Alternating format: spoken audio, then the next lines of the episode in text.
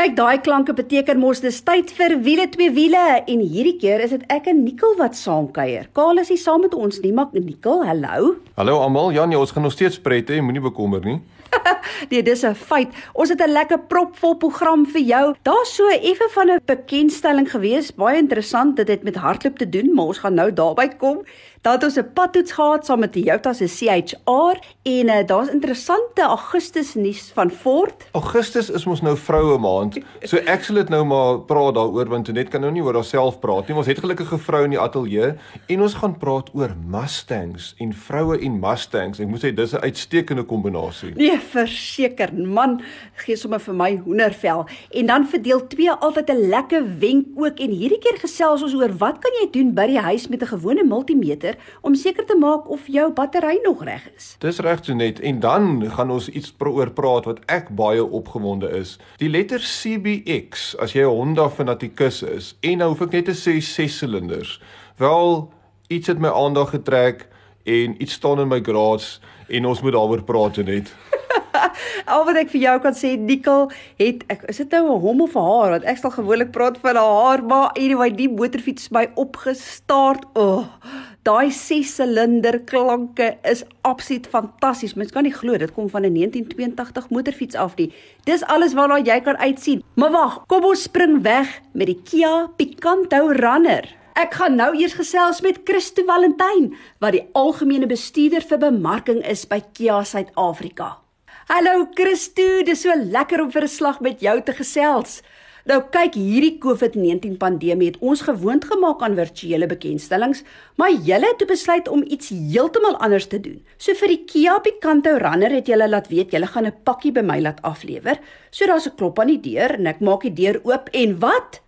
En nou gaan ek verseker my ouderdom weggee, maar hier staan Jane Fonda in haar aerobiese oefeningklere. so ek het so gelag. En uh, wat 'n fantastiese kreatiewe manier om die Kia Picanto Runner bekend te stel.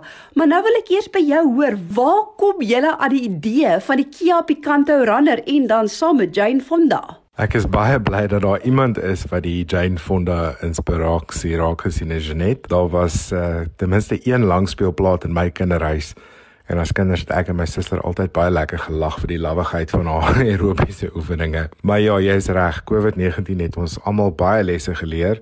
Maar die een ding wat kop bo water uitstaan, is dat ons almal net so bietjie meer met meer erns na ons onkoste moet kyk. En dit geld natuurlik ook in die besigheidswêreld en veral vir besighede wat moet versekering dat hul dienslewering nie onderbreek word nie. En dis hier waar ons idee vir die Picanto Runner ontstaan het is 'n klein, bekostigbare maar uiters praktiese afleweringsvoertuig wat vir al kleiner besighede goed sal bystaan om te verseker dat daai dienslewering nie onderbreek word nie. Die naam impliseer ook dat dit 'n staatmaker is, want jy weet in Engels praat ons van 'n runner, daardie persoon wat al daai klein goedjies vir jou uitsorteer waarvoor niemand tyd het nie, maar wat so belangrik is om die hele besigheid aan die gang te hou. Tydens hierdie grendeltydperk het baie meer mense natuurlik dinge begin aanlyn bestel, maar dit beteken deesdae kry jy oral hierdie hordes afleweringe motorfietsies oral en nou die dag toe is daar weer 'n storm met 'n baie sterk wind. O, oh, en ek het behoorlik geëis om te wonder hoe gaan hierdie arme ouens regop bly op 'n motorfiets. Maar dis natuurlik nie 'n probleem as jy met 'n Picanto runner ry nie, want dis weer vierwiele.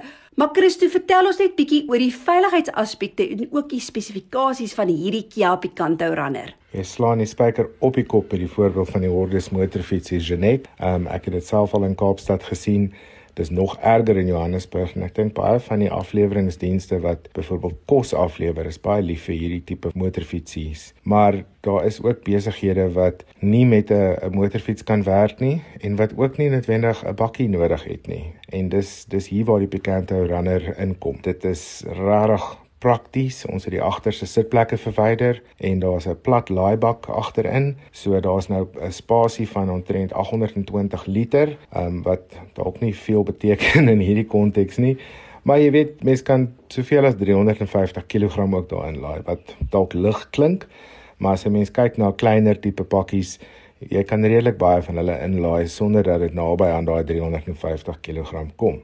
Ons het hom baseer op die 1 liter staart. Ehm um, so die runner het al die voordele en spesifikasie eienskappe wat die passasiers weergawe het. Die 1 liter enjin het 49 kW krag, ons 95 Newtonmeter wringkrag. So hy is lewendig veral in jou tipiese stadsverkeer, maar hy is ook baie lig op brandstof wat absoluut in 'n besigheid se gunst stel. Ons het ook seker gemaak al die veiligheidseienskappe bly. So sluit weer remme standaard so ook is lugsakke vir die voorste passasiers. Daar's data dot behandeling wat veral handig is wanneer dit by kloning en gesteelde voertuie kom. Ons het ook sentrale sluiting ingesluit wat baie gerieflik is wanneer jy aan die hardloop is en vinnig 'n pakkie moet aflewer en dan het dit al die ander voordele van 'n passasiersmotor. Daai gemaklike sitplekke, die ligversorging, die lekker klankstelsel. Ehm um, daar's ook 'n USB koneksie, daar's Bluetooth en jy kan alles met kontroles op die stuurwiel hanteer. Dit op sigself is ook 'n veiligheidseienskap want uh, jy is gereeld op jou telefoon doenig om mense aan die hande te kry wanneer jy afleweringe moet doen. Nou kan jy dit alles doen sonder dat jy enigsins jou foon in die hand moet hou en jou aandag afgelei word. So, daar's baie praktiese voordele aan die Picanto Runner. Julle het 'n 5 jaar waarborg wat standaard kom saam met alle Kia voertuie, maar daar's 'n diensplan en nog ekstra gemoedsrus. Vertel bietjie vir ons. Ja, jy is korrek, Genet, maar die waarborg is nie net daai 5 jaar nie. Dit sluit ook onbeperkte kilometers in soos in alle Kia voertuie. En ek dink in 'n besigheidsscenario is dit 'n massiewe voordeel omdat afleweringsvoertuie oor die algemeen baie hoër afstande af lê as 'n passasiersmotor. So die voordeel van daai waarborg is van selfsprekend in die besigheidsin, um, en dan jy die ekstra gemaksrus van die 2 jaar 30000 km diensplan wat baie help met begroting vir daai klas van onderhoud. Die ander groot voordeel vir die besigheide is dat ons ons Kia Fleet Care package ingesluit het by die runner en dit bied besighede nog meer gemoedsrus. Daar's 'n 1 uur blitsdiens ingesluit wat jy weet baie help wanneer 'n motor nie vir 'n hele dag of 'n halwe dag kan stil staan nie. Ons kan daai diens in 'n uur doen en die besigheid kan voortgaan. En dan is daar ook premium padbystand. So as daar basiese meganiese hulp nodig is, kan ons daarmee help. As die motor dalk sonder brandstof gaan staan, bring ons noodbrandstof en dan is daar ook die ander klein goedjies wat soms groot probleme word soos 'n papband en 'n papbattery. Die padbystanddiens sluit al daai klas van goed in en dan is daar ander voordele ook van ons Fleet Care package. Ehm um, sou daar byvoorbeeld veelvuldige aankope wees met afslag en so voorts. Nou kyk, daar het jy dit. Jy hoef nie vir Jane Fonda in haar aerobiese pakkie te kry om jou runner te wees nie. Jy kan die Kia Picanto runner kry vir onder 200 000 rand om jou afleweringsrunner te wees. Gaan loer bietjie op ons wiele twee wiele Facebook bladsy en dan kan jy ook sien hoe lyk hierdie Kia Picanto runner. En dan die padtoets van die week waaroor ons wil praat is Toyota se CHR wat dan nou 'n middellewe kuur gekry het en hulle het hom so 'n bietjie geopdateer en so net ek onthou toe ek op die bekendstelling gegaan het dis nou al 'n hele paar jaar terug en dit was in Spanje gewees die eerste keer en ek was so beïndruk daai tyd was Toyota nog vervelig kom ons sê dit maar vir mekaar en hier kom hulle met 'n CHR uit wat lyk soos iets wat van die ruimte afkom en uh, dis nie net dit hoe hy's gestileer is nie hy daai TNGA platform onafhanklike suspensie. Hy het ook Toyota se splinter nuwe tot daai tyd gehad 1.2 eh, liter petrol enjin turbo natuurlik. En uh, ja, dit was 'n ongelooflike karretjie vir die tyd, maar jy sê hy's nou nie. Ja ja ja, Nicole, soos jy sê, hy's bietjie opgekikker. Kyk, ek onthou ook toe hulle hom die eerste keer bekend gestel het hier in Suid-Afrika, ja, hy het daarom aandag getrek en oral waar jy stop waar mense net geweet het, hoorie, wat is hierdie? En ja, dit is Toyota se CHR Sport Nuts of dan Nuts motor wat opgekikker is en sy buffertjies aan die voorkant lyk anders, sy ligte, sy hoofligte lyk anders, aan die agterkant lyk hy ook anders. So hier en daar is hy bietjie opgekikker, maar die grootste veranderinge is veral wanneer dit kom by sy veiligheidsaspek aspekte en ook sekere van sy elektronika. Soos byvoorbeeld die goeie nuus is, nou kry jy byvoorbeeld Apple CarPlay en Android Auto is ingesluit saam met die pakket. Natuurlik kom hy uit met daai handrat en dan kry jy ook nou die CVT radkas en ek weet julle het nou so 'n bietjie met die CVT radkas gery Jonet. Jy's nooit mal oor 'n CVT nie, nê? Nee? Ja, ongelukkig is ek nie. Ehm um, Ek weet nie wat om vir jou te sê nie. Ek weet jy het verkies ook natuurlik meer die handrat. En snaaks genoeg, ons het tog nou die dag met die Corolla gery CVT, maar ek was tog heel tevrede met daai CVT, maar hier in die CHR het die CVT my weer gepla. Ja, ek dink vir outomatiese radkas as jy elke dag in die verkeer gaan sit, gaan dit reg wees vir jou. Maar ons weet nou almal jy hou van 'n bietjie jaag toe net. En dan is 'n CVT kan 'n bietjie in die pad kom, wil ek nou amper sê. Maar wat vir my altyd uitgestaan het van die CHR is natuurlik hoe hy lyk, like, maar sy rit is regtig wel 'n baie goeie kombinasie tussen sportief en ook gemak. Ons praat hier van 'n klein sportnuts En uh, dink aan iets soos 'n Nissan Juke uh, of in daai lyn. So dis iets wat so bietjie koortjie is, maar hy lyk mooi. Hy het vir my altyd laat dink aan die ou tydse Honda Civic Type R tipe um, look wat hy het, maar hy's 'n klein SUV. Hy's groter as jy in hom sit as wat jy sou dink.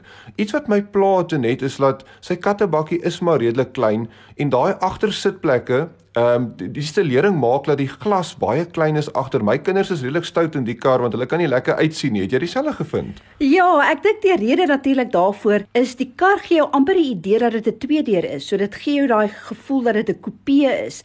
So die deuraanvatsels aan die agterkant is half weggesteek om vir jou daai gevoel te kry, maar jy's 100% reg. So jy voel half beperk. Die kinders kan nie lekker uitkyk nie. So jy's 100% reg, maar stelering gewys, dis darme kar wat uitstaan. Doen jouself net 'n guns. Gaan loer bietjie op ons Facebook bladsy. Dit is wiele twee wiele en uh hierdie Toyota CHR en hoe hy opgekikker is, gaan daar ook vir jou pronk en dan gaan jy sien hoe dit lyk. Ja, ek wil net so 'n bietjie getalle praat. Natuurlik 85 kW en daai eenetjie 185 Newtonmeter. Brandstofverbruik is net so oor die 6 liters per 100, so lekker ekonomies en daai wrinkrag is al van baie laag af, so hy ry eintlik baie lekker en baie gemaklik.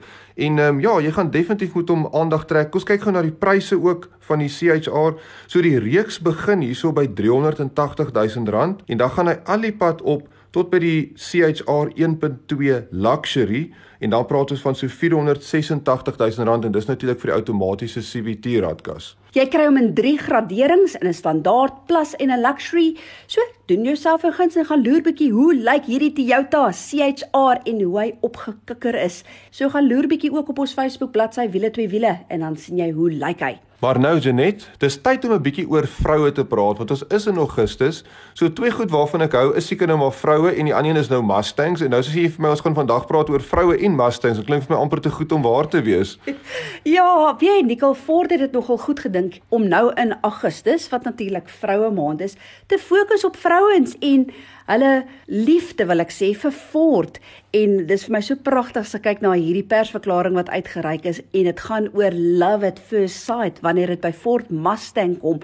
So Ford het byvoorbeeld nog gegaan en gaan kyk na vrouens wat deelneem in motorsport soos Paige Lindenberg en uh, ons kyk na Elwien Vonk wat byvoorbeeld 'n navigator is wanneer dit kom by die Suid-Afrikaanse veldrenkampioenskap ook. Maar ja, toe ehm um, wil hulle nou reeds 'n artikel doen oor die heel eerste vrou wat 'n Ford Mustang besit het en sy kom van Chicago af. En toe het ek nou toevallig ehm um, net so genoem maar het julle geweet van eh, 'n uh, sekere dame wat met 'n Ford Mustang heelwat jare terug ook iets aangevang het. Ja, ek wil nou ek wil nou hier inkom Janet en ek wil nou sê die manne daar buite wat nie vir Janet ken nie en net hoor dat sy altyd so laggie maak en so en dink, "Ooh, jou kan die vrou ooit bestuur of weet sy iets van 'n kar." Luister hierso, hierdie vrou kan groep en jaag dat jy saam met haar 'n kar ry, dan gaan jy 'n paar jaar ouer wees. Maar toe vind ek natuurlik uit sy het so lank terug as 1999 'n landspoedrekord in Suid-Afrika gedoen in 'n V8 Wesbank daai tyd Lindenburg Mustang teenoor die 300 km/h. Janet, jy moet ons vertel. Vertel ons asseblief van daai ondervinding. Hoorie Nicole, dit was absoluut fantasties en jy's reg, dis 21 jaar terug en dit was op my ma se verjaarsdag. Ek sal dit nooit vergeet nie, 29 Julie 1999. En jy was baie jonger en minder plooie. ja, maar nog net so mal oor wiele soos wat ek vandag is. En jy's 100% reg, was 'n 6 liter Ford Mustang, was 'n 1998 model. En ehm um, dit was Pieter Lindenburg se kar en dit was nou interessant ook toe Ford nou hierdie artikel doen oor Paige Lindenburg want dis nou reeds sy dogter wat nou nog aktief besig is. En weet jy, daai dag van my, dis nogal 'n storie. Dit was by die Villiers tolpad uh Wilgers op die N3 as jy nou aan Durban se kant is. En ek hoop dat die pad toegemaak het, nee. ja, hulle die pad toegemaak. En dan moet jy nou basies jy ry die kar in twee rigtings. So die een kant se spoed wat ons toe gekry het was 'n uh, 314 km/h en dan jy nou kans om om te draai en dan moet jy net dieselfde uh, roete weer doen. En ook belangrik, dis nie net 'n kwessie van kry daai spoed en dan sit verby nie. Jy moet daai spoed kan handhaaf vir ten minste 'n kilometer. So toe die terug 'n rit was die spoed 301 en toe was die amptelike spoed toegeteken as 'n 307.9 so 307.9 km/h en dis 21 jaar terug. So jy is jy het die papiere om te sê jy's die vinnigste vrou in die land nog steeds. Ja, kan jy glo? Ek het nogal vir Paige gesê as daar nou iemand is wat daai rekord moet breek, dan moet dit sy wees dat ons dit amper half in die familie kan hou. So wat 'n voorreg om dit te kon ervaar en beleef toe ek nou na die video grepe ook kyk en gaan doen jouself gaan gaan kyk bietjie op Wiele twee wiele se Facebook bladsy. Dit was nogal 'n storie om daar in die argiewe te gaan grawe 21 jaar terug en 'n paar videogrepe daar te gaan kry, maar dis daar om vir julle te wys wat ek beleef het en ja, sonder die ploeie van vandag, verstaan jy? Ja, ons net en op daai hoë noot gaan ons nou eers 'n breek vat, maar as ons terugkom, dan praat ons 'n bietjie tegniese tip oor batterye en dan kyk ons bietjie na 'n 6-silinder klank van Honda CBX 1000. Ja, en as jy 'n vlekvrye stal uitlaatstelsel soek al uh, as jy hom wil stilhou of as jy 'n bietjie weer jou kar moet praat, moet jy definitief 'n draai gemaak by Powerflow Belwel. Hulle kyk na alles wat jy nodig het. En uh, weet jy wat? Dis nie net 'n jaar waarog nie dis sommer 5 jaar. So uh, vir beter werkverrigting brandstofverbruik en al Bellflow Bellwel dis die plek vir jou. En is so maklik soos www.bellflowbellwel.co.za as jy nou net ingeskakel het dis wiele twee wiele. Saam met my Janet en saam met my is Nicole Lou. En ons gesels nou wenk van die week. En dit gaan daaroor dat wat kan jy doen met 'n gewone multimeter by die huis om te kyk of jou battery nog reg is en werk. En dan natuurlik later bietjie vir twee wiele As jy wonder hoe klink 'n 6-silinder motorfiets en die heel eerste een wat ooit gemaak is van 1982, moet jy ingeskakel bly. Maar Nicole, wenk van die week, vertel. Ja, Tony, ek wil bietjie prakties raak vir ons luisteraars wat ook hou daarvan om bietjie in die gras te krap. Ek het 'n brief gekry by Kaar tydskrif van 'n persoon wat sê, weet jy, hy het nou al 'n Camry wat al oor die 300 000 km op het, maar elke 2 jaar dan gaan sy battery en hy's al so moeg daarvoor. Hy weet nou nie meer wat om te doen nie. Toe sê dink ek met myself, maar weet jy, as jy bietjie tegniese kennis het en jy het 'n multimeter, dan is daar 'n paar goed wat jy kan toets op jou battery. So kom ons praat sommer daaroor net 'n bietjie agtergrond. As jy met jou voertuig ry en is heeltyd in die stad en jy doen heeltyd hierdie stop-start wat jy hierdie kar net 'n eentjie ry, dan afskakel en dan met die kinders optel en dan weer start en 'n kilometer verder gaan brood en melk koop, weer afsit. Onthou dit vat omtrent hierso tussen 5 en 10 minute se ry om een keer se start se energie weer te kan teruglaai in die battery. So as jy heeltyd daai kort tipe stop ry doen, dan gaan jou battery op die ou en pap raak want hy kry nie genoeg energie teruggesit nie. Maar dit nou daar gelaat. So jy het nou jou battery, jy's in die garage, jy het jou multimeter en jy maak nou die engine kap oop en die engine loop nou nie, hy's so afgeskakel. Dan meet jy nou oor die pole wat is die die volts wat die battery meet. En hy moet so hier by tussen 12.5 en 12.7 as dit 'n goeie battery is en hy's vol gelaai laai, dan's dit wat jy verwag jy gaan meet. As jy enigiets onder 12 is dit hier nader aan 11, 11.5 dan weet jy daai battery is pap en hy moet gelaai word. So dis die eerste toets wat jy kan doen, is hy vol gelaai of nie. Wat dan belangrik is nogals is skakel dan die enjin aan dat die voertuig begin leier dan sit jy vat jy weer jou multimeter en jy gaan weer oor die pole van die battery meet. Nou moet jy meet nader aan 14 volt, partykeer selfs 'n bietjie oor 14 volt en die rede daarvoor is jou alternator van die voertuig is nou besig om my battery te laai. So as hy nog steeds net op daai 12 volt bly en hy spring nie op na 14 volt nie, dan weet jy vir 'n feit jou kar is nie besig, daai alternator is nie besig om die battery te laai nie en ehm um, daar's 'n probleem. Dan wil ek ook sê dat onthou net as jou kar afgeskakel is, daar is maar 'n bietjie parasitiese laste op die battery. Onthou jy het jou alarmstelsel stelsel of die immobiliseerder, jy het natuurlik jou horlosietjie wat binne in die kar loop. Daar's 'n paar goedjies wat krag trek terwyl jou enjin afgeskakel is, maar dit moenie te veel krag trek nie. So wat jy kan doen is jou multimeter ook ampere, dis die stroom kan meet. Dan kan jy die grondpool afhaal en dan kan jy jou multimeter tussen die grondpool en die grond van die voertuig koppel, daai kabel en dan meet jy hoeveel ampere word getrek in daai stadium as die kar so af is.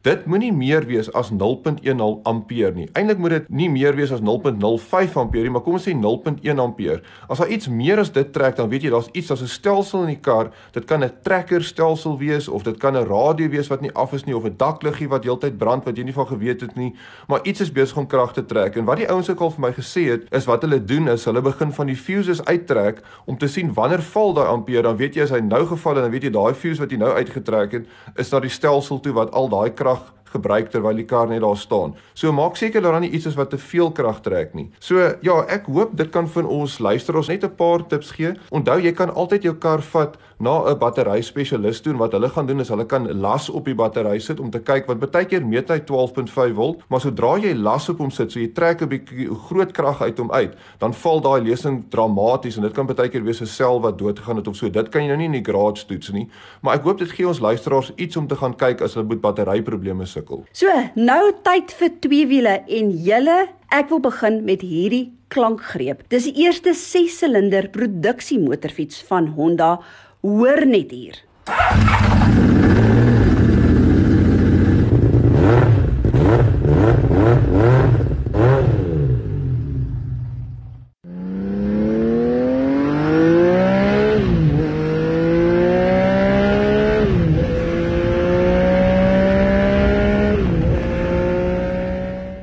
Ek weet nie van jou nie, maar ek het verseker nou hoendervel. Wanneer dit by die ouer motorfietsse kom, verstaan ek nie altyd hoekom Kaal en Nikkel so nostalgies raak nie, maar nou verstaan ek. Ja, dit is net um, ek en um, Karl het so gepraat oor motorfietsklanke so 'n paar programme terug en een wat opgekom het is die Honda CBX 1000 en as jy nie nou aangeraak is deur daai klanke wat ons nou net gespeel het, dan sal definitief moet jy jou pols laat kyk. Want daar's nie 'n moderne motorfiets wat kan klink soos hierdie CBX 1000 nie. Toe ek nou begin kyk na die advertensies en goed, hulle sê mos 'n motorfiets soek vir jou, jy soek nie eintlik vir hom nie. So die een het my gekry. Ek het hom gekoop. My vrou is nog lief vir my. Hy's in die garage. Ehm um, is ongelooflike masjien. Ja, dis 1982. Kom ons praat net gou 'n bietjie geskiedenis CBX. Hulle het in 1978 uitgekom so sonder 'n fairing en so aan. Die een wat ek het is 'n later model, hulle noem hom die Pro Link. Hy het die enkel skokbreker agter, nie meer die 2 nie en hy het natuurlik ook die fairing oop. Dis meer die Tour model gewees, maar daai selle enjin, 6-silinder inlyn. Hy's so breed soos wat jy nou kan dink daar op die motorfiets en dit gaan alsoor daai enjin. Ek het met die motorfiets gaan ry. Hy weeg, hulle sê hy weeg as hy vol petrol en al die dinge is 272 kg. So dis swaarder as 'n GS manne daar buite. Maar as hy eers begin loop, dan vergeet jy van die gewig en jy ry hom vir daai klank. Dit klink fisies soos 'n Porsche GT3 wat jy besig is om mee te ry. Ehm um, hy's nie so vinnig nie want hy's swaar, maar hy trek is 'n verskriklike gladde fiets om te ry. Ehm um, iets wat spesiaal is op die fiets, hy het natuurlik lugsuspensie saam met sy skokbrekers. Hy het al geventileerde ehm um, voorremskywe. Jy kan so half deel, lyk like soos 'n dubbelskywe wat aan al twee kante is. So dit was definitief in daai tyd die top motorfiets van Honda gewees. En uh, daar is nie meer sulke motorfietsse nie, Janet, as daai 6 karburators langs mekaar, daai 6 uitlaatpype as jy so onder toe kyk daar voor by die enjin blok uit. Dis net ongelooflik.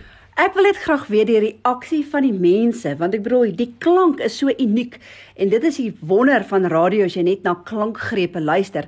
Ek bedoel as jy net na daai klank luister, daar's nie 'n manier wat jy kan dink dit kom eintlik uit 'n motorfiets uit nie. Toe net ek staan by 'n verkeerslig en uh, ek's 'n bietjie stout natuurlik en ek wil die klank hoor en ek maak hom so 'n bietjie oop, gee hom so 'n paar blips dat hy so blaf. En kyk daai manne soek nekke ruk af want hulle soek waar is die Lamborghini of waar is die Porsche GT3 RS want die ding klink fisies soos dit en as hulle omkyk en lyk dit soos 'n 1980 se speedkop motorfiets maar hy maak hierdie ongelooflike klanke. En uh, ek het met hom 'n bietjie gery lankpad ook. Dis so gemaklike motorfiets. Hy's swaar, die suspensie is sag, maar jy voel vir jou jy kan op hom klim en jy kan ry Kaap Johannesburg sonder enige probleme. Dis waarvoor hy gebou is. Dis nostalgie. Um, ons weet um, Honda het 6-silinder motorfietsse gemaak vir MotoGP daar lank terug, maar dis hulle eerste produksie motorfiets.